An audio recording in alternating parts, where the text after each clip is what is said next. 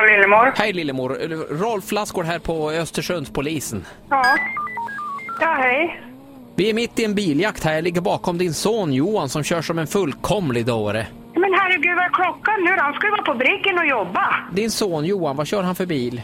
2114 kan... Vad han kör för bil? Ja, vad har han för bil?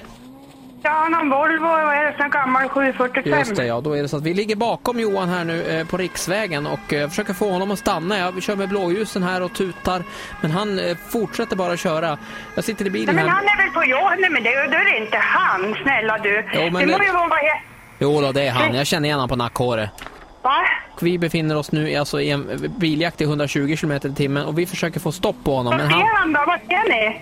E14 Tängtorpen norrut, där har du oss. På väg i raskande fart. Norrut? Vadå norrut? Han är ju hos sin pappa på Ängevägen 25 och det må ju vara någon som lånar Änge... Du får stoppa, stoppa Ängevägen 25. Men sabla Det beror på- unge, nu får du lugna ner dig. Stampa på bromsen. Nu är vi uppe i 142 km i timmen. Ja, för han har... Ja, ja, lyssna här. Han har varit hos mig i mammas lägenhet nu med sin pappa klockan åtta i morse.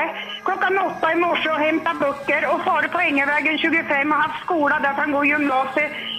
Han går ju, vad heter det, gymnasiet eh, på distans i Falun va? Och han bor i Häggenås. Och då han suttit där av skolan nu mellan 9 och 10. Jag pratade med honom för en timme sedan. Då sa han så här, jag sitter på skolan nu, säger han. Och vad heter det, och eh, på, på datorn. Och sen ska jag iväg och jobba på Briggen, för han är fritidsledare där. Där drog vi förbi Krokom och han knappt sett. Va? Nu är vi uppe i 142 km i timmen. Vad händer? Nej, nej. Nu ropar jag på han och eh, har du något smeknamn på han som man kan använda så att han kanske känner sig lugn? Ja, men han är lugnet själv, snälla Man du. vill att han ska känna sig lugn som att han är nästan i livmodern hemma hos mamma nu. Och nu känns det lugnt och nu kan jag stanna. Och nu känns det bra. Och du ska inte plocka fram något tjänstevapen nu ska jag tala om för dig. Så nu ska vi få stopp på den här killen. Förlåt Lillemor, vad sa du Men för vad någonting? håller du på med? Men kan, kan du tala om vart ni är någonstans? Skit i det. Skit i exakt vad vi är. Vi är vid Hissmofors. Du kan få GPS-koordinaterna sen. Nu måste vi få stopp på han. E14 norrut. Ja, vadå norrut? Vart? Jag kopplar in dig. Det kan ju finnas en risk att han lyssnar på Radio Energy. Så jag kopplar in dig här nu. Nu ligger live i radio nu. Hoppas att han hör dig nu. Säg någonting Men nu. gud vad ni skämtar. Vad nu skämtar? Fy fan vad ni skämtar. Han är ungdoms... Han har aldrig druckit hela sitt... Tala om vem det är. Hej, så det är Ola på Energy här. Det är faktiskt Johan själv som vill att vi skulle ringa och lura, luras lite grann. Att han bad att, att ni skulle ringa mig. Är det sant? det? ja. Ja, så här lät det när Ola ringde till mamma. Lillemor, nu Lillemor. Vet, vi vet en hel del om Johan nu alltså. Nej, men alltså, på jag, Engelsforsvägen 25, um, jobbar som jag vet inte om jag tycker det här är roligt. Jag tycker det här bara är jobbigt. Och lite roligt. Lillemor, hur hon drog dagsschemat.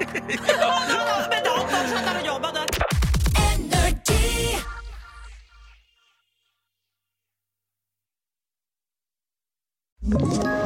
Ett poddtips från Podplay. I fallen jag aldrig glömmer djupdyker Hasse Aro i arbetet bakom några av Sveriges mest uppseendeväckande brottsutredningar. Går vi in med hemlig telefonavlyssning och, och då upplever vi att vi får en total förändring av hans beteende. Vad är det som händer nu? Vem är det som läcker? Och så säger han att jag är kriminell, jag har varit kriminell i hela mitt liv men att mörda ett barn, där går min gräns. Nya säsongen av Fallen jag aldrig glömmer på Podplay.